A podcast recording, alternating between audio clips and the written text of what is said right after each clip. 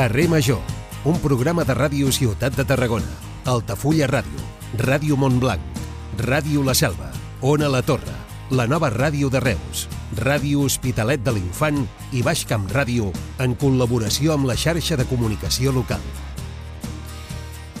Hola, bona tarda a tots els que feu pont i a tots els que no en fareu. Avui s'han fet públics els resultats de l'informe PISA, que no són gaire falagadors aquí a Catalunya. De fet, l'alumnat català se situa a la cua de l'Estat en comprensió lectora, només per davant d'Andalusia, Ceuta i Melilla. Els resultats de les proves PISA, uns exàmens que es van fer la primavera de l'any passat i que hem sabut ara el resultat, constaten una caiguda en picat en tres de les àrees bàsiques que s'avaluen – les matemàtiques, també les ciències i la comprensió lectora. Els estudiants catalans estan per sota la mitjana d'Espanya i també del conjunt dels països desenvolupats, del conjunt de països de l'OCDE. En comparacions amb altres regions del món, Catalunya estaria al nivell d'Itàlia, del Vietnam i de Noruega, on les coses anaven bé fins no fa gaire, en què s'han començat també a torça. Des del Departament d'Educació han admès aquesta davallada i consideren que pot ser fruit d'un relaxament en l'ensenyament de l'hàbit de lectura. D'altra banda, el govern català també creu que els resultats d'aquest informe depenen d'una sobrerepresentació de l'alumnat immigrant entre el percentatge d'alumnes que van fer les proves. I en interpretacions polítiques, doncs en trobem els dos cantons de la moneda. Des de la CUP, des de l'esquerra més esquerra, vinculen aquests resultats a la manca de recursos en l'educació pública. En canvi, el PP en dona la culpa a la immersió lingüística i Vox directament parla d'adoctrinament. A nivell general, el Congrés ja ha fixat data pel debat i votació de la pressa en consideració de la llet d'amnistia. Serà dimarts vinent i es tramitarà per la via d'urgència podria quedar definitivament aprovada, si tira endavant aquesta llei d'amnistia, a finals eh, de desembre o principis de gener. Això a la cambra baixa, al Congrés. Després recordem que ha de passar pel Senat i que el PP allí ho podria bloquejar o almenys dificultar la tramitació. I en aquest ple de la setmana vinent al Congrés també es votarà la creació de les comissions d'investigació que reclamen les formacions independentistes de l'espionatge amb Pegasus, la comissió de l'operació Catalunya i també la dels atemptats del 17 d'agost a la Rambla de Barcelona i a Cambrils. I atenció amb aquesta dada. Gairebé 2.500 lobistes dels combustibles fòssils participen a la COP28, la cimera del clima. Una xifra que, segons els analistes que han fet aquest estudi, aquest càlcul, és una xifra sense precedents. Un anàlisi també adverteix que aquests empresaris del sector dels combustibles fòssils, que evidentment aniran a defensar els seus interessos, són molt menys que no pas els representants dels 10 països més vulnerables al canvi climàtic que també participen en aquesta cimera. Una cimera de la qual vam parlar ahir al programa amb una professora de la URB que avui mateix, de fet, volava eh, fins als Emirats Àrabs eh, per participar en aquesta cimera. Avui a Carrer Major també parlarem amb una altra professora eh, de la URB, amb la Carlota Moragas, parlarem d'extrema dreta, de populisme i de comunicació. Som Carrer Major, som les emissores del Camp de Tarragona, us acompanyem tot l'equip eh, que fem possible aquest programa, des d'aquestes vuit emissores, l'Iri Rodríguez, l'Aleix Pérez, en David Fernández, la Gemma Bufies, la Cristina Artacho, l'Adrià Requesens, en Jonai González, l'Antoni Mellado, Antoni Mateos, en Pau Corbalan, que s'ha reincorporat a Altafulla Ràdio, jo mateixa, l'Anna Plaça, que us acompanyo aquesta primera hora, i el Iago Moreno, que el tenim al control tècnic. Comencem.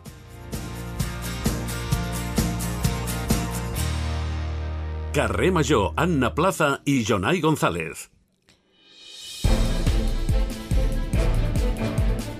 4 i 7 minuts, eh, moment de repassar en forma de titulars les notícies més destacades de la jornada del Camp de Tarragona. Jonai González, bona tarda. Molt bona tarda.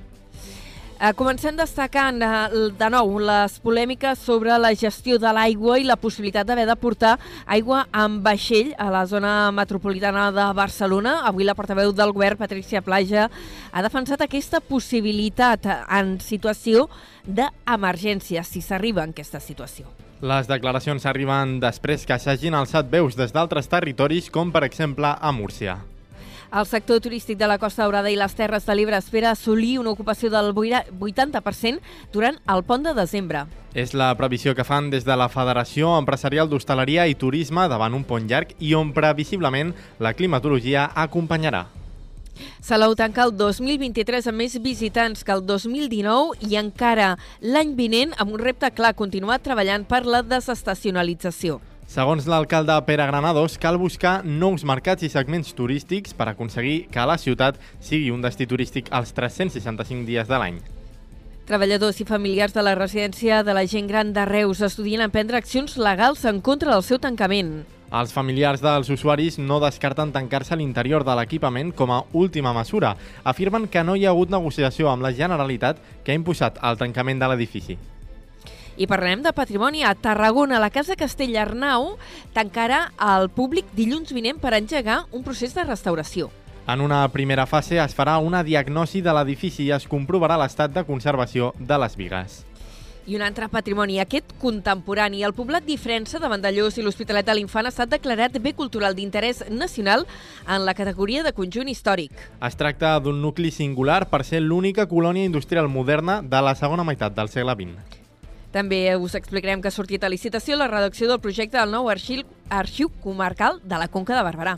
Els treballs estaran finançats per la Generalitat i tindran un cost total proper als 3,5 milions d'euros. En esports farem prèvia d'hoquei. El Reus Deportiu Virgínies no descansa i demà dimecres jugarà una nova jornada de l'hoquei Lliga Masculina. Els reusencs rebran alcaldes al Palau d'Esports. I en Cultura avui parlarem del concert participatiu que organitza l'Orquestra Camerata 21 en col·laboració amb els cors del Centre de Lectura de Reus i el Cor Ciutat de Tarragona. Jonai, aquestes són les notícies que repassarem d'aquí mitja hora aproximadament. Et tornarem a saludar després. Fins d'aquí una estona. Adéu. Fins d'aquí una estona, Jonai.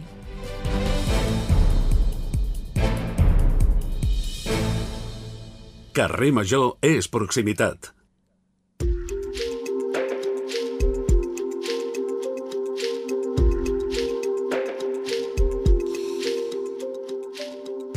Anem a saludar a la Carlota Moragas i ho fem amb una certa celeritat perquè ens ha dit avui a dos quarts de cinc, jo us puc atendre, però a dos quarts de cinc me n'he d'anar. No sé si dir-te professora Moragas o dir-te Carlota. Com ho ja fem? em pots dir Carlota, home, hi ha confiança fem- que som del gremi. ho fem menys, més informat perquè amb la, amb la Carlota poc o molt havíem coincidit al Departament de, de Comunicació de la Universitat Rovira i Virgili. Es fa una mica estrany eh, tractar-te de vostè, ho farem així més informal. Um, ahir uh, vam decidir contactar amb tu uh, quan vam veure que estàveu fent a la universitat, que és una jornada que es va fer ahir concretament, ja l'heu acabat, per tant, sobre populismo y comunicación política, nuevos retos en España y en Europa. Com va anar? Va anar molt bé, estem molt contents perquè som conscients que és una data complicada, no? Sempre hi ha dates més o menys complicades al final. I Home, teniu tenir, doncs, Digues, digues. un- no, vam tenir doncs, eh, això, no?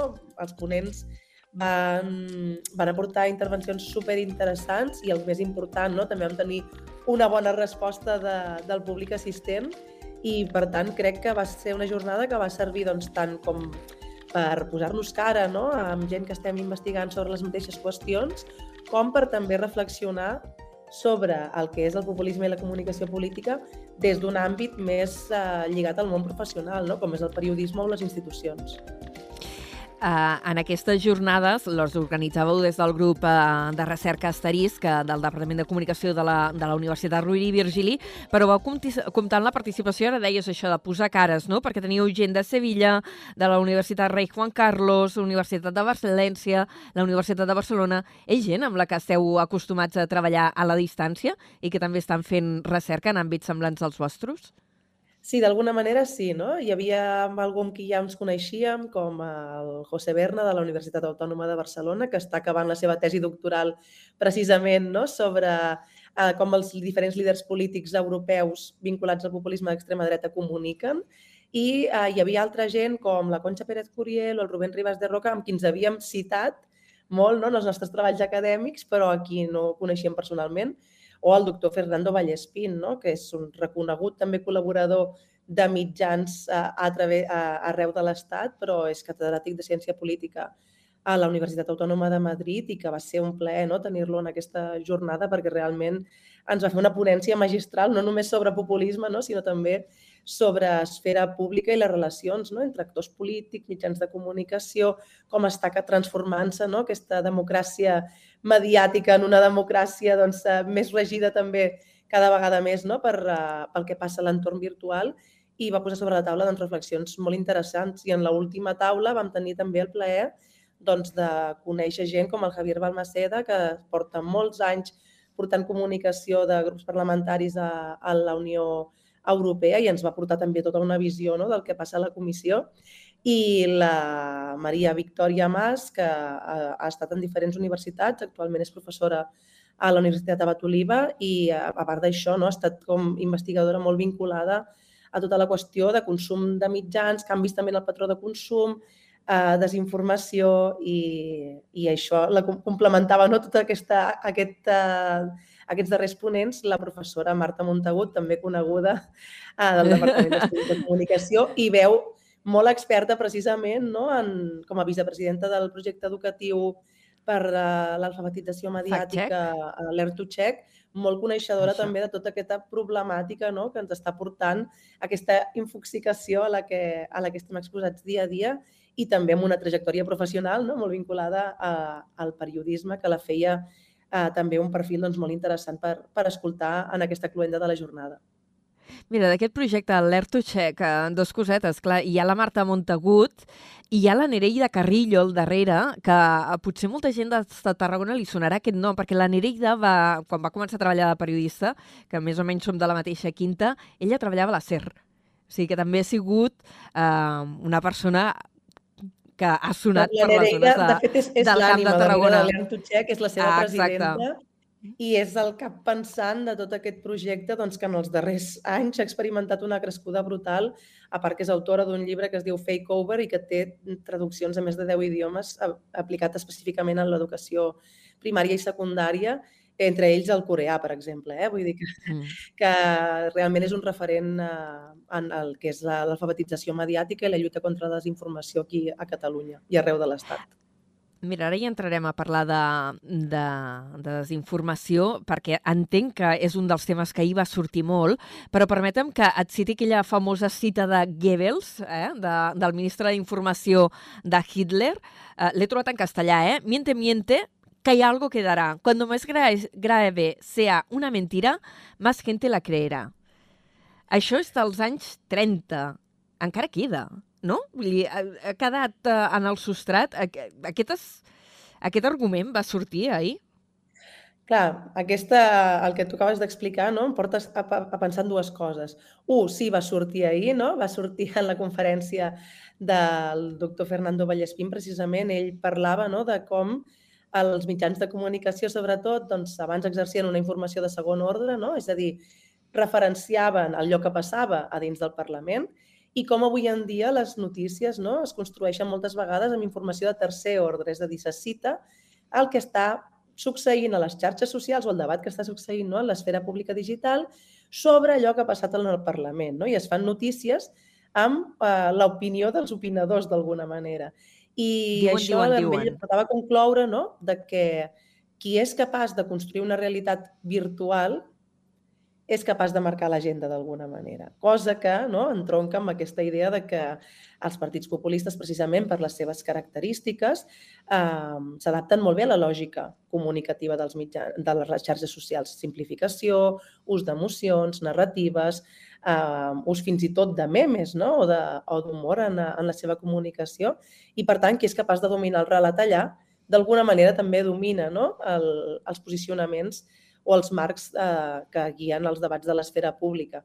I una altra qüestió no, que, que està relacionada amb aquesta cita que tu has fet de, de Goebbels és que quan precisament en el marc del projecte Learn to Check a vegades fem formacions no, i, i parlem d'aquestes qüestions, diem quin és el problema avui en dia? Les mentides han existit sempre. Tu ho dius, aquesta cita és dels anys 30, no? Uh, el tema és que avui en dia doncs, tenen una capacitat d'expandir-se brutal i que llavors la capacitat de comunicar mm, fonamentalment no, estava en el poder polític i en el poder mediàtic. I avui en dia tots tenim aquesta capacitat de comunicar i de difondre no, les mentides, siguem conscients de que estem difonguent una mentida o no. Anem a parlar de dos conceptes, eh, perquè en la jornada ahir vau fer eh, tres taules rodones i n'hi ha una que abordava un concepte que desconec, que és el Kate Note Speech. això Què és, és això? és, és simplement és una manera que tenim no, dins la jerga acadèmica de parlar de la conferència magistral. No? Ja saps que ens agrada molt Ah. fer servir aquesta nomenclatura anglosaxona i simplement fa referència no, a aquesta persona doncs, que per la seva expertesa en l'àmbit eh, se la destaca no? i se la convida Ah. a fer una, una conferència magistral. Realment l'estructura de l'acte el que buscava era fer una primera taula, no? que és amb la que vam obrir, eh, on eh, aquestes persones que arreu de l'Estat estan investigant o estan liderant investigacions punteres no? en l'àmbit del populisme i la comunicació política, ens expliquessin quina és la recerca que estan duent a terme actualment, no? intentar veure per on van les línies de l'estudi de la comunicació política populista. Després vam tenir aquesta conferència magistral, no? en Que, que ara ho veig, eh, del professor Vallespín. i del professor Vallespín, no? on ell, és que ja et dic, va, va, va parlar de moltes qüestions i a més des d'un punt de vista ell, és, ell ve de la ciència política. Mm, però per tant, no? reflexionant sobre qüestions potser més filosòfiques, no? de, sobretot d'aquests canvis no? que, que està patint la, la societat i com avui eh, ens relacionem en aquesta democràcia i com els partits populistes també estan marcant agenda amb formacions que no ho són. Ell deia, hi haurà un moment en què no serem capaços de distingir no? quins partits són populistes i els que no, perquè els que no s'estan veient forçats a adoptar lògiques dels partits populistes per, doncs, per guanyar Per quota no? de mercat electoral al final. I ell parlava això, no? al final populisme tampoc és dolent per se, però el populisme doncs, eh, eh, per les característiques que té avui en dia, no? sobretot el populisme d'extrema dreta, acaba abogant per una democràcia estructurada en blocs, no? una democràcia polaritzada i s'allunya molt de l'ideal deliberatiu de les democràcies liberals, no? que és el sistema doncs, el que, en, el que, en el que vivim. I per últim teníem aquesta última taula rodona on, com et deia abans a l'inici, no? buscàvem aquesta vessant eh, més vinculada al, a l'entorn professional, no? com aquests partits, no? que són una mica disruptius en això, en, en, quan apareixen a l'esfera pública i quan entren a les institucions, marquen també altres institucions, com és en el cas de la Unió Europea, no? que, a la qual li preocupa molt precisament com tots aquests partits no? de populistes d'extrema dreta deslegitimen la mateixa Unió Europea com una institució. Es presenten a les eleccions i tenen representació, però no creuen en la institució d'alguna manera. I com també això afecta l'àmbit del periodisme. No? Uh, com hem de treballar com a periodistes davant de uh, col·lectius no? que a vegades utilitzen el discurs d'odi uh, en, els, en les seves declaracions públiques, um, aquest discurs d'odi, no? també com que, com que és conflictiu, genera conflicte, també genera titulars i això en un món no? dominat també a vegades per la precarització de la professió, pel clickbait, Sí, no? a, a, fa que, fa que no es qüestioni, que no hi hagi el temps de qüestionar aquests discursos. Bueno, vam intentar plantejar, no? tocar, tocar, aquesta, tocar aquest, aquesta qüestió des de, des, de diferents, des de diferents àmbits. I realment una cosa No, ens va a- portar a l'altra, va, ser, va estar tot eh, com molt lligat. En el sector a vegades no, sorgeix aquesta pregunta de què s'ha de fer. Uh, hem de fer cas d'aquests discursos? Els hi hem de donar ressò perquè existeixen i formen part de la realitat? O és allò de córrer una cortineta i fer veure que no hi són? Per no donar-los veu, precisament, no? Aquest, aquest debat hi és dintre de la professió. Aquest debat hi és i hi ha qui aboga per no donar-los veu, però això també pot conduir a que aquests col·lectius no, eh, facin bandera d'aquesta victimització, dels mitjans ens censuren, els mitjans són elit, no? Per tant, el que ja va fer famós eh, Donald Trump en el seu dia quan deia, Sí. quan parlava de, de fake media, no? Ja no fake news, fake media, no? Hi ha mitjans falsos, no, no informen sobre el que està passant, no ens donen veu. I hi ha una altra opció, no? Hi ha una altra posició que aboga per al revés, doncs prendre't el temps per posar en context aquelles opinions. No un periodisme de declaracions tampoc, no? Quan el que s'està dient allà eh, és això, no? Pot caure, pot, eh, pot caure no? en el discurs d'odi cap a certs col·lectius. Doncs eh, fer notícia d'allò que s'ha dit, però posar-ho en context no? I, i explicar oh, això no és així, o aquesta... Recordo no? en el cas de, de la campanya de Vox a les eleccions de la Comunitat de Madrid, on van fer aquell famós anunci del metro, on parlaven, deien que els menes Sí. rebien ajudes públiques i la teva àvia no. I, i com no, si busques una miqueta, tirem de maroteca, hi va haver mitjans que es van preocupar de, en el cos de la notícia, com a mínim, desmuntar no? que allò no era veritat, Però el titular ja és que aquell xifra no? que ells donaven no sortia d'aquí, no? que sortia... I, I aquesta és una mica, potser, la, la feina, no? de desmuntar aquest discurs, però eh, és el que intentava dir-te, no? que el, el titular ja està fet i tu el que fas potser és replicar amb un titular que és el que crida l'atenció, no? qui arriba a la part de dintre de la notícia i el desmuntar aquest argumentari amb dades, que moltes vegades això, no? l'ert to check, allò, aprendre a comprovar, a contrastar i, i a Clar, aquí- desmuntar si una cosa no és certa. Aquí, en converses que jo he tingut a vegades amb periodistes no, sobre aquesta qüestió, eh, expliquen, doncs, no, el tema és no reproduir no, en el titular això, textualment el marc que ells volen imposar, sobretot quan estem parlant de qüestions doncs, on, on hi ha uns consensos no? I, i on, no sé, on, on, on, on, on no, no s'hauria de donar peu no, al trencament d'aquests consensos. Estem parlant de qüestionar el terme violència de gènere, estem parlant d'atacar col·lectius no? com el, els, les feministes o els immigrants o d'utilitzar, per exemple, la paraula salvatges no? per parlar dels immigrants. Doncs no, perdona, dir, no anem a reproduir aquest tipus d'informacions.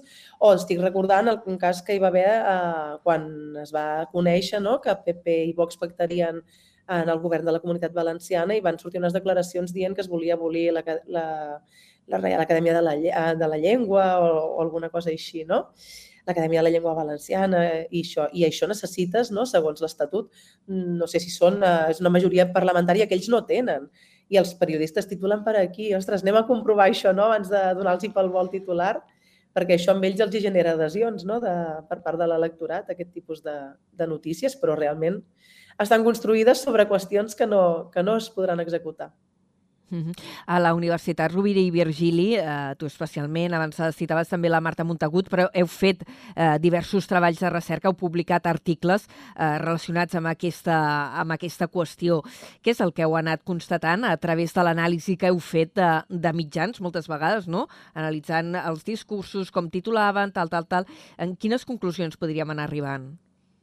Mira, fonamentalment aquesta línia de recerca en relació a la comunicació política populista hem estat treballant amb la doctora Aranxa Capdevila i el que hem analitzat nosaltres, sobretot, clar, hem agafat com a cas d'estudi el cas del partit Vox no? i el seu candidat, Santiago Abascal, i hem analitzat les eleccions eh, generals del 2019 i ara també les del 2023.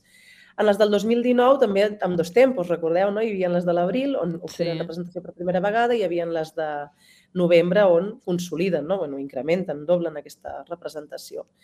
I el que hem pogut constatar és que, en primer lloc, no, ha, en el- en el món també acadèmic hi ha una discussió sobre si se'ls pot dir populistes o no. Nosaltres hem pogut constatar que utilitzen el marc populista aquesta doble oposició entre la gent i les elites, que són el govern, no? I, la, i la gent i els altres que els amenacen, i hem pogut constatar que utilitzen aquest marc. Eh, també eh, hem analitzat la comunitat on circulen aquests discursos no? a, a la xarxa social Twitter amb el doctor Josep Maria Grau i allà hem pogut veure que eh, el que passa és que no, no acaba de ser una cambra d'eco perfecta. No? Aquest marc populista, la gent que interacciona amb el partit el reprodueix, però potser només una part. No utilitzen el mateix discurs que utilitza la formació, tot i que hi havia no, expressions com tot el tema de titllar de colpistes a, a, als partits independentistes. Uh, era, una, paraules no? que- era, era, era, una, era, una, era un marc que fins i tot partits com el Partit Popular li compraven. No? I això, fonamentalment, hem identificat doncs, que utilitzen uh, l'elit, que seria Pedro Sánchez, el govern, no? aquests governs de coalició s'emmarca sota el concepte de la dictadura progre, cosa que és molt interessant, no? perquè el que busca una dictadura no? no és un govern escollit democràticament i el que busca precisament és deslegitimar aquest enemic, no? aquest enemic únic, que és Pedro Sánchez i els seus aliats. També es titlla Pedro Sánchez d'ocupa de la Moncloa, com si no, com si no estigués usurpant eh, una institució que és del poble. Qui és el poble? L'Espanya viva, que representa Vox, l'Espanya del Pladur, aquesta connexió no? amb, el, amb el món obrer, que també resulta un pèl estranya, I això a les eleccions de 2023 sí que hem vist que s'ha anat, ha anat virant aquest discurs, s'ha anat, anat matisant també. Sí? Uh, En- no, en- en- sí, hem anat, canviant, hem anat canviant una miqueta uh, aquest tipus de marcs. Sí, però sí que hi ha hagut unes paraules, no? Ara tu anomenaves la de colpista, no? Que s'han assentat i, i s'han contagiat eh, amb d'altres partits, no? Perquè potser el PP ha acabat incorporant al seu discurs aquesta radicalitat tèrmica, per dir-ho d'alguna manera, no? de, de, de llenguatge eh, que venia de Vox inicialment. Sí, sí, això és el que vam poder, no? Nosaltres, en el món acadèmic també hi ha com una tendència dir les xarxes socials creen aquests filtres, no? Bombolla i creen aquestes comunitats on només ressonen els mateixos punts de vista.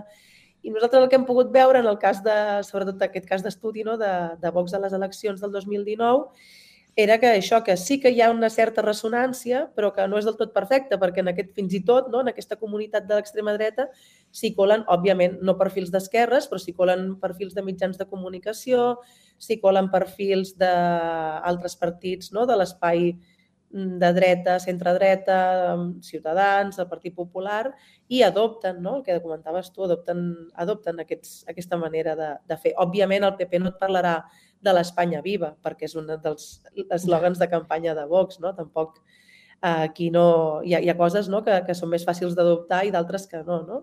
Però un dels èxits, al final és ho diem eh, sempre, no? Un dels èxits del populisme de, de dretes, del populisme d'extrema dreta, és no tant entrar a les institucions, que també, entrar als governs, que òbviament també, sinó imposar no? certes lògiques a, sobretot aquests partits amb qui comparteixen espai electoral.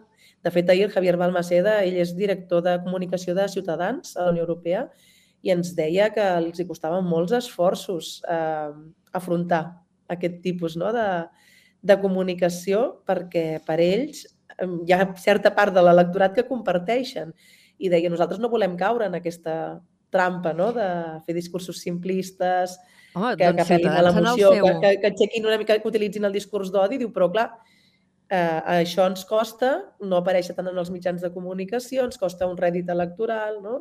I, i tenia part de raó amb aquesta, amb aquesta reflexió. Eh, Ciutadans ara perquè ha perdut molta centralitat política, però també havien tingut un discurs amb, amb missatges molt contundents, sobretot amb els temes de qüestió de llengua, eh, relació Catalunya-Espanya, no? També havien... Em sembla recordar no? que hi havia aquest missatge tan directe que també podria entroncar una mica amb aquestes línies de populisme que tu ara, ara comentaves. Sí, el que passa que al final, no, i això hi ha, un, hi ha autors que han fet una gradació, perquè si no tots els partits serien populistes, tots els partits apel·len a la gent, no? Uh, I hi ha una gradació, no?, fins al que es pot considerar populisme buit o populisme ple, no? Populisme, uh, per dir-ho així, la, la traducció del terme en anglès. Um, el populisme complet no? és el que ell utilitza tots els aspectes del marc populista. Aquesta apel·lació també a una pàtria millor, no? el Make America Great Again, la Reconquista, en el cas de Le Pen, aquestes referències a Joana d'Arc, eh, hi ha com M'està aquesta, començant a picar tot. aquesta idea no, de recuperar el, el passat, un passat millor. Eh, hi ha també el tema de, de, de, de definir no, qui són els altres i, i en aquest cas els altres, sobretot no, per aquest tipus de populisme sempre estan encarnats per la immigració i llavors hi ha particularitats en funció dels països. No? Aquí a l'estat espanyol els colpistes són molt clars, també les feministes, també el col·lectiu LGTBI. Um, I Tot allò després també hi ha diferent. aquest tema no? de, de pa- l'oposició elit. Clar, en el cas de Ciutadans mai ha estat antieuropeu, no? per dir-ho d'alguna manera Ja. o potser no ha atacat tan clarament. Sí que no, en aquells moments en què competia per l'espai de Podem, segurament no, es va fixar, si, si tornéssim als discursos, segurament trobaríem potser alguna referència a les elites econòmiques o a l'elit eh, del, del bipartidisme, eh, però sí que, tot i que utilitzés segurament un lèxic no, molt dur per fer referència a tota la qüestió de la llengua, que va ser el seu cavall de batalla, no sé si trobaríem tant atac directe no, a, per exemple, col·lectius com, com la immigració. A Amb aquest llenguatge més- que utilitza. Vox, no? que realment Mhm. utilitza doncs, paraules que ratllen l'insult sinó... i deshumanitzen, no? i deshumanitzant. La confrontació amb l'altre, en definitiva, no? I seria una mica el, el resum. Sí, al Ah. final els, els, operen sota aquesta lògica, no? Els hi funciona, els hi funciona en això, fer una gent molt conglomerada, la gent és homogènia, la gent no admet matisos no? I, i la gent és l'única que té la veritat no? i la capacitat de, de, de decidir. I, per tant, si aquesta gent el que vol o considera que, que Pedro Sánchez és un ocupa a la Moncloa que està fent un govern Frankenstein i que el tenen segrestat eh, els enemics d'Espanya, de, no? els enemics d'aquesta gent, doncs aquesta gent és la que té la raó i per tant s'ha de fer fora en aquest govern. Hem conversat amb la Carlota Moragas, jo seguiria xerrant més estona, però em sap greu perquè ja són les 4 i 33 minuts i havíem dit que a dos quarts de cinc t'alliberaríem, ja t'hem robat 3 minuts més dels que t'havíem dit. Li agraïm moltíssim a la Carlota, és professora eh, de Comunicació Política a la Universitat Rovira i Virgili, eh, doctora especialitzada. Ara ho sentíem que ha fet molts treballs de recerca amb aquesta qüestió del populisme a l'extrema dreta i com construeixen els discursos. Avui ens ha parlat d'aquesta jornada que vau fer ahir i que va plegar gent d'universitats de tot l'Estat. Moltíssimes gràcies i deixem que segueixis amb la teva feina. I gràcies per haver-nos dedicat aquesta estoneta. Adéu-siau. Carrer Major. Toni Mateos.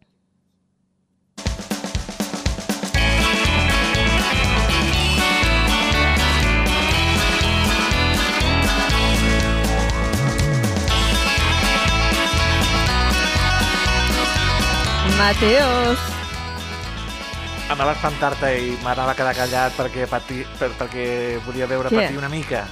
Am ah, no, no, és igual, ja està. ja el pitjor ja ha passat del dia. Mira, saps què et vaig dir? Et, et demano que et canvi d'ordre per poder entrevistar primer la Carlota i després... I... Doncs mira, saps allò que me n'oblidaré? Doncs me n'havia oblidat perquè el guió no ho havia deixat indicat. Ah, Soc... amiga. Veus? Veus? Perquè jo mm, en el moment penso les coses i després me marxen del cap. Després de marxa. Molt, molt interessant la xerrada amb la, amb la Carlota. Amb la és molt guai parlar amb ella. És, molt, molt, molt interessant. Sí, potser li hauria hagut de dir doctora Carlota Moragas, de doctora Moragas, però és que no em sortia de dintre, eh? Perquè... No, al principi, al principi ja ho heu dit, que, que, li, que li parlessis de tu. Exacte. Sí, sí. Vam coincidir poc o molt amb la Carlota i no, no, fan, fan molt bona feina al Departament de Comunicació de la, de la Rui Virgília, que he tingut possibilitat de conèixer el, un, bastant des de dintre alguns perquè hi he treballat amb, amb alguns dels professors i amb d'altres doncs perquè doncs mira, perquè la vida et porta a coincidir crec que fan coses, coses interessants. Molt, Toni Mateos, vosaltres també feu coses interessants a la segona hora. Sí, molt interessants. Mira, avui, com tu, canviem l'ordre una miqueta, ah, eh? Veus? perquè Poseu el guió, no com jo, que no ho he posat al guió i estava fent tornar boig el pobre Iago. Menys mal que està en tot aquest xiquet. Eh, Iago, si no fos pel Iago, mare meva... Moriríem, palmaríem molt, sí. Mira. Primerament parlarem d'ODS. Eh, entrevista amb Salvador Balcells, d'Entre Pobles, per parlar-nos de la COP28. Tu vas parlar ahir, justament? Sí. Doncs avui parlarem eh, sobre els fluxos migratoris. La Agnès Toda, la nostra filòloga i professora de català, parlarem de vocabulari nadalenc, que estigui molt Home. atenta la gent, a, a la gent que diu cagatilló, mm, o la gent no. que diu bons Nadals. Que no. atents. Que estiguin atents perquè l'Agnès avui traurà la fusta. Traurà el fuet. Sí, sí, la fusta i el fuet. Uh, entrevista, parlarem amb Àngeles Schaer, responsable d'educació d'Open Arms. Ah, home, i tant. Han arribat al port de Tarragona per mostrar una exposició sobre els drets humans. Doncs parlarem amb l'Àngeles, que com hem dit és la responsable d'educació. Banda sonora del Camp de Tarragona i furgoneta, avui molt especial, amb la Maria Lluïsa Amorós, filla Home, del, del Xavier Amorós, comissària de l'any Amorós, que enguany ja es tanca aquest 2023, sí, el i parlarem de la placa que li han posat al carrer Llobera a la casa de Natal de l'escriptor doncs, del Xavier Amorós. Escolta, cèntric, a més no poder, eh? Has vist, tu? Sí, sí, allà al costat de... Al, al, al carrer Llobera. Sí, sí, això Més sí que és ser RTV, eh? De Reus, Reus tota Reus, la vida. De Reus, Reus, sí, sí. I tant, i tant que sí. Doncs avui parlarem d'aquest gran autor reusenc, cronista també de la ciutat, amb la seva filla i comissària eh, de l'any Xavier Amorós. Tot això a partir de les 5, Toni, fins d'aquí una estona, ara anem a fer l'informatiu. Fantàstic. Fins ara, Anna. Adiós. Adiós.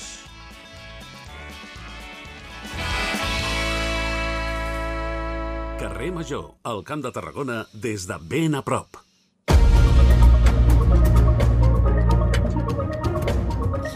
4 i 37 minuts, 38 ja. Saludem de nou en Jonai González. Jonai, bona tarda. Molt bona tarda de nou. I ens endinsem en l'actualitat que torna a passar per la gestió de l'aigua i el debat que ja sabem aquests dies. Avui el govern català s'ha defensat eh, sobre aquesta possible mesura de fer arribar aigua amb vaixell a l'àrea de Barcelona o a les regions de Catalunya que ho necessitin. Han dit que si s'arriba a fer això, no es robarà aigua a ningú. Ho ha afirmat la portaveu del govern català, Patricia Plaja, que ha defensat la possibilitat de dur aigua amb vaixell a les zones que ho necessiten si s'arriba a la situació d'emergència després que hagin sorgit crítiques, com per exemple des de Múrcia. La portaveu també ha explicat que els moviments d'aigua no suposaran cap perjudici pel medi ambient. Plaja assegura que la compra no afectarà territoris amb una situació hídrica complexa perquè ni demà ni demà passat arribaran els vaixells amb aigua. No li puc dir uh, ni tan sols si acabarà sent una necessitat uh, ineludible que arribin aquests vaixells amb, amb d'aigua, però sí que li puc dir que la premissa del govern és que a ningú a casa nostra, aquí a Catalunya, li, li manqui l'aigua i estudiarem totes les vies per fer-lo possible.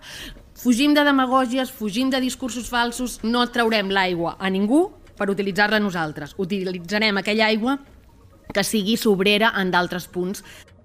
Plaja també ha lamentat que hi pugui haver altres regions en una situació de normalitat que es neguen a ser solidàries. Avui dia aquesta la importació d'aigua en vaixell és només una de les possibilitats contemplada pel govern, però la portaveu ha subratllat que Catalunya està patint la sequera més greu des que n'hi ha registres i que, per tant, si cal, abordaran aquesta opció amb el Ministeri de Transició Ecològica.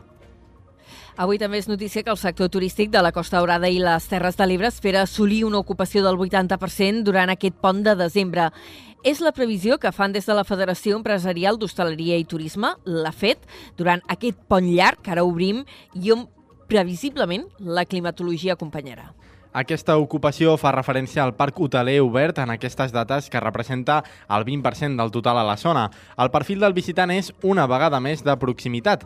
Berta Cabré, presidenta de la Federació Empresarial d'Hostaleria i Turisme, assenyala que tenen bones perspectives de cara a aquest pont pel bon temps i perquè es podran fer estades més llargues enllaçant amb el cap de setmana. Són bones xifres, és una època de l'any on la bona climatologia encara ens ha anat acompanyant i això ha animat a les famílies a, a fer reserva encara doncs, a la costa Daurada i a les Terres de l'Ebre i, i és cert que és una època en què eh, hi ha més ocupació, ocupacions més altes en les zones d'interior doncs perquè la gent ja té més tendència a buscar doncs, aquest eh, retrobament amb la natura, no? aquesta zona més de, de, de bosc o de, o de muntanya i també la ciutat en aquesta cerca cultural d'activitats.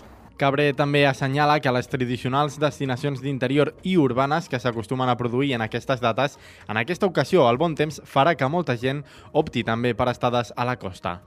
El fet de no tindre grans freds eh, alleugereix doncs, el moment de les vacances i de, i de moure't en família i això doncs, eh, també ho facilita i facilita especialment doncs, poder continuar amb activitat a la costa. No? Seria uns dies en què si hi hagués eh, grans nevades doncs, segurament hi hauria més ocupació en les zones més altes de muntanya i en aquesta ocasió doncs, que encara la climatologia doncs, eh, és la que és, doncs hem tingut, eh, s'està notant doncs, perquè hi hagi un una, una activitat encara a la, a la Costa Daurada i a les Terres de l'Ebre. Les previsions no són tan bones als allotjaments rurals de les Terres de l'Ebre on s'esperen assolir percentatges d'ocupació al voltant del 40%. I una de les principals destinacions eh, turístiques de casa nostra, Salou, ha fet balanç eh, del present exercici que s'està a punt de tancar i diuen que el 2023 hi haurà hagut més visitants que abans de la pandèmia. De cara l'any vinent, el repte continua sent treballar per la desestacionalització. Segons l'alcalde Pere Granados, cal buscar nous mercats i segments turístics per aconseguir que Salou sigui destí turístic els 365 dies de l'any. Ens ho explica la Cristina Artacho des de Ràdio Ciutat de Tarragona. Granados ha incidit que Salou és una destinació familiar i que, per tant, té un model turístic concentrat en les vacances escolars. Considera que cal buscar altres segments que no depenguin dels fills, sinó que viatgin tot l'any. Pel que fa a nous mercats, Granados ha destacat el coreà. Pensa que és el candidat perfecte per suplir el mercat rus. Des del municipi es treballa per atraure turistes de lluny, perquè, segons afirma l'alcalde Granados, llargues distàncies són llargues estades. Per a nosaltres ha estat un bon any, hem tingut més visitants que no passen el 2019. Tenim el repte de buscar nous mercats com les per suplir el tema del rus, perquè les llargues distàncies són llargues estàncies i per tant aquesta andadura que tindrem en el mercat coreà crec que podrà servir perquè els turistes que ens visitin doncs, estiguin en una estància molt més llarga que la que tenim ara. Insisteixo en això, llarga distància és llarga estància, és el que ens falta i és el que estem treballant ja de cara al 2024. Pere Granados també ha insistit que cal reforçar la marca Salou com a destinació amb tot el producte que l'envolta. Considera que la província de Tarragona té moltes possibilitats i oportunitats turístiques i que s'ha de treballar més intensament per desestacionalitzar el turisme. Pel que fa al 2024, Granados assegura que es presenta com un any molt bo.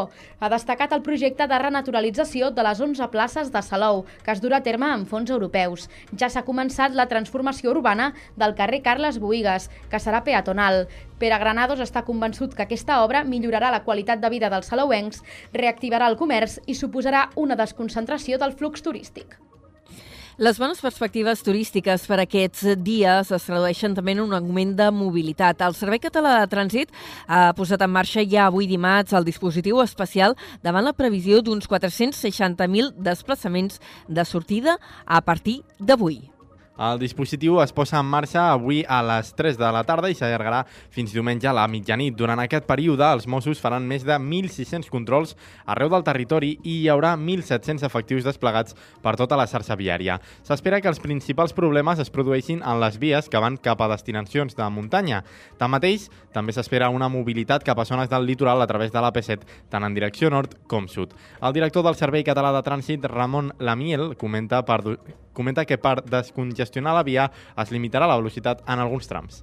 A l'AP7 sud, de sortida sud de Barcelona cap a Tarragona, per entendre'ns, o cap a Terres de l'Ebre, el que posarem en marxa és un límit de velocitat de 80 km d'hora, 80 km per hora, des del que és Barcelona fins al que és Gelida. Això ens permet donar més capacitat a la via, moure tot aquest trànsit, aquesta massa de trànsit, aquesta mena de magma que és el trànsit, moure la 80 per hora i eh, evitar interaccions entre els vehicles i, per tant, donar més capacitat a la via que, que creiem serà densa.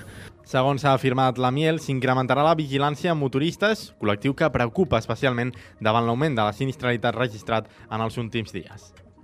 I més qüestions relacionades amb la mobilitat ara ferroviària, perquè la circulació de trens ha quedat interrompuda aquest migdia entre les estacions dels Guiamets i Marçà Falset, al Priorat, a causa d'una incidència en la infraestructura que afecta a aquest carril entre aquestes dues parades. L'avaria afecta els trens que circulen entre Saragossa i Reus, segons ha informat Adif. Personal tècnic treballa per solucionar aquesta incidència com més aviat millor. Aquest mateix matí, la circulació de trens de la R15 entre Marçà, Falset i Tarragona havia quedat interrompuda per l'avaria d'un tren de mercaderies. En aquest tram, el servei ha quedat restablert a quarts d'una. Passa un minut de tres quarts de cinc de la tarda, anem cap a Reus, on els treballadors i els familiars dels usuaris de la residència pública de gent gran del Passeig Mata estudien emprendre accions legals contra el tancament de l'edifici. No entenen per què els usuaris s'han de marxar de l'equipament i posen en dubte l'informe tècnic sobre el mal estat de l'edifici. En té més detalls d'en David Fernández des de la nova ràdio de Reus. Comissions Obreres, JAC-CATAC i UGT consideren que el tancament de l'única residència d'avis pública que hi ha a Reus és un desnonament encobert i massiu. Els sindicats pensen que l'informe tècnic del Departament de Drets Socials que defensa el tancament pel mal estat de l'edifici s'agafa amb pinces i asseguren que es confonen les mancances estructurals amb les constructives. Carmen Mesas és treballadora del centre i membre del Comitè Territorial de Drets Socials de JAC-CATAC a Tarragona. Arriba el moment que sí que ens estem plantejant accions legals Tenim reunions amb un parell d'advocats la setmana vinent perquè ens assessorin. També tenim l'opció de, de, de parlar amb arquitectes perquè es mirin aquest informe tècnic. Ja se l'han mirat, eh? Val a dir que se l'han mirat i ens han dit que, que aquest informe s'agafa amb pinces i que no hi ha cap justificació que digui que els avis no poden estar aquí dins mentre es fan les obres. Els sindicats, per tant, demanen que els avis convisquin amb les obres, com s'ha fet a les residències Jaume I de l'Espluga o a la Mercè de Tarragona. Moltes gràcies, David. Encara a Reus, els Mossos han detingut un home acusat de cometre un robatori violent. Els fets van tenir lloc el passat diumenge. També des de la nova ràdio de Reus ens ho explica en David Fernández. Els Mossos d'Esquadra van rebre diumenge un avís per un robatori violent a la zona de Sant Bernat Calbó de Reus. Una vegada allà van trobar un home amb lesions per tot el cos i possiblement amb el nas trencat. La víctima va explicar que diversos homes l'havien atacat amb cops de puny i puntades de peu abans de robar-li el telèfon mòbil i altres objectes de valor. La policia més tard va detenir un dels autors, el qual hores després havia causat lesions en una altra baralla. Va ser llavors quan els Mossos van comprovar que l'acusat té més d'una quinzena d'antecedents per delictes similars. El detingut va passar dilluns a disposició del jutjat de Guàrdia de Reus i la investigació encara segueix oberta per identificar la resta d'implicats. Anem ara cap a Tarragona i per parlar de patrimoni. La Casa Castell Arnau, al carrer dels Cavallers, tancarà el públic dimarts vinent per engegar el seu procés de restauració. En una primera fase es farà una diagnosi de l'edifici i es comprovarà l'estat de conservació de les vigues de fusta. La segona fase dependrà del resultat de les comprovacions i es procedirà a dur a terme el projecte de restauració més adient. Pel que fa als treballadors del Museu d'Història, estaran reubicats en altres oficines municipals, com l'antiga audiència i la Casa Cefús. Les taquilles de Casa Castellnarnau es traslladaran també a l'antiga audiència. I, d'altra banda, parlant de patrimoni però aquest contemporani, hem de dir que el poblat d'Ifrensa, de Vandellós i l'Hospitalet de l'Infant, ha estat declarat bé cultural d'interès nacional en la categoria de conjunt històric. Es tracta d'un nucli singular per ser l'única colònia industrial moderna de la segona meitat del segle XX. Aquest poblat va ser dissenyat a final dels anys 60 pel prestigiós arquitecte racionalista Antoni Bonet Castellana. Es va construir amb diners de l'empresa Ifrensa per jutjar els treballadors de la central nuclear de Vandellós 1. Per tal de garantir la continuïtat dels valors del conjunt històric, s'ha delimitat un entorn de protecció. El govern ha explicat que això permetrà garantir la correcció de les visuals i perspectives sobre el conjunt històric des dels espais públics i també per controlar i garantir la correcció de les incidències de les possibles actuacions en els edificis i espais adjacents. I ara un altre patrimoni, aquest eh, d'època romana, eh, s'han trobat nous trams d'aquaducte al terme municipal de Puigpelat, a l'Alt Camp. La investigació l'ha realitzat l'Institut Català d'Arqueologia Clàssica, l'ICAC, i ha permès definir un quilòmetre de recorregut d'aquest aquaducte.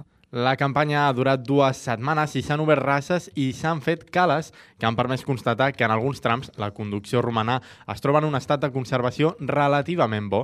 Segons s'han assenyalat des de l'ICAC, així han pogut determinar també que la connexió entre l'aquaducte procedent del port d'Armentera i l'aquaducte Aqua Augusta es troba més avall del que es creia anteriorment.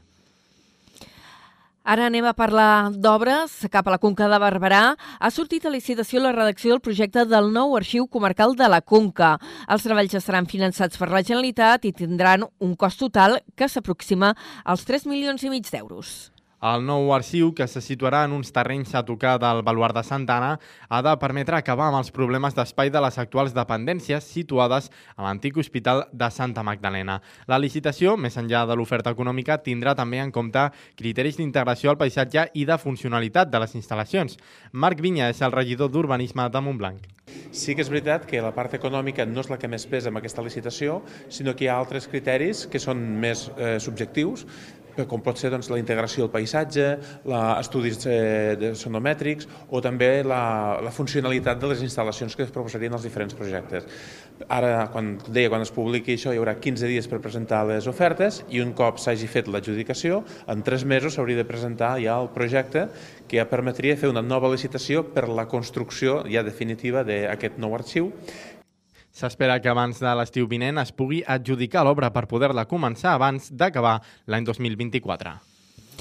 Tornem a Tarragona, ara per parlar del vaixell d'Open Arms, que ha atracat al port per difondre la seva feina humanitària. L'Ajuntament de Tarragona ha intensificat la relació amb l'ONG amb la signatura d'un conveni.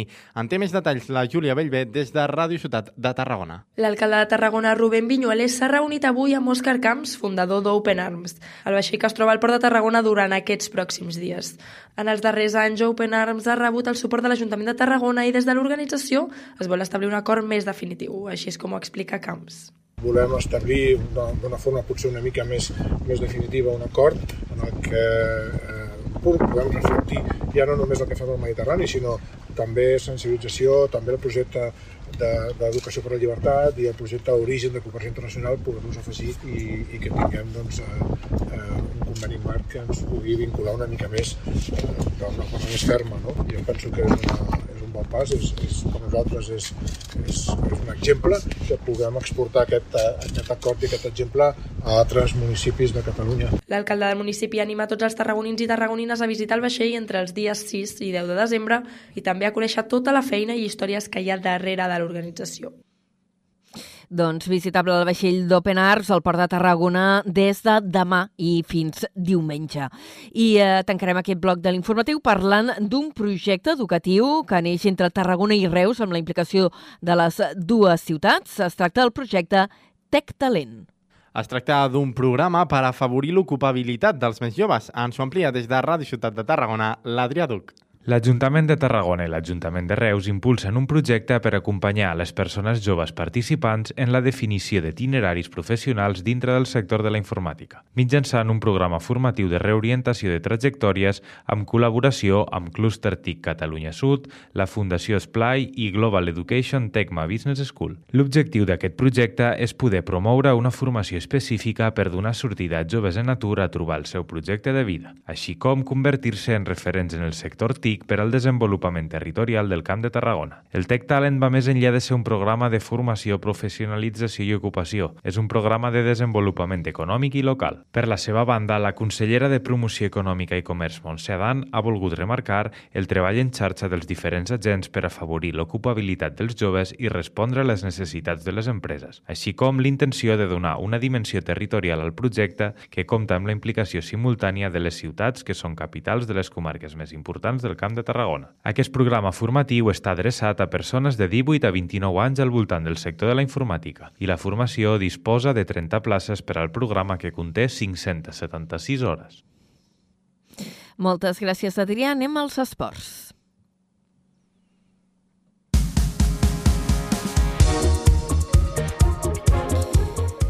Avui la informació esportiva ve eh, marcada per la prèvia del pròxim partit d'hoquei del Reus Deportiu Virgínies, que no descansa i demà dimecres jugarà una nova jornada de l'hoquei Lliga masculina. Els reusencs rebran alcaldes al Palau d'Esports. Ens en fa la prèvia en David Fernández des de la nova ràdio de Reus. Després de l'ensurt davant l'Sporting de Portugal de Champions i de recobrar la confiança en trencar la imbatibilitat de Liceo a la Corunya, els roig i negres afronten aquesta nova jornada de Lliga amb optimisme, tot i ser conscients que no poden baixar la guàrdia. El Reus farà valdre que ha guanyat els seus tres darrers compromisos a l'Hockey Lliga masculina i aquest dimecres tindrà una nova oportunitat per demostrar el canvi de tendència que ha situat el conjunt en quarta posició. A partir de dos quarts d'una, doncs, el Palau d'Esports del Reus rebrà Alcaldes, el qual actualment ocupa la novena posició. El Reus Deportiu Virgínies jugarà el seu darrer partit de l'any amb el Lleida el pròxim diumenge dia 10 a un quart de cinc de la tarda al pavelló lleidatà 11 de setembre.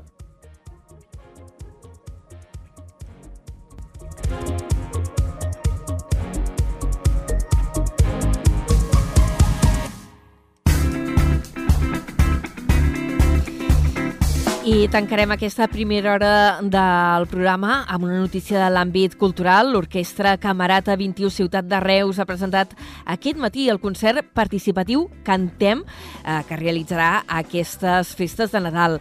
Comptarà amb la col·laboració de l'Escola de Música del Centre de Lectura de Reus i el Cor Ciutat de Tarragona. Tots dos, enguany, fan 40 anys. En aquest concert hi participaran 125 ca cantaires i es faran 6, 3 sessions en equipaments diferents. El primer concert serà a Reus, el dia abans de Nadal, el dia 23, a les 8 del vespre, al Teatre Bertrina. El segon concert serà el 29 de desembre, a les 8 del vespre, al Teatre Tarragona i l'endemà, 30 de desembre, a les 6, serà a l'Església de Sant Joan de Valls.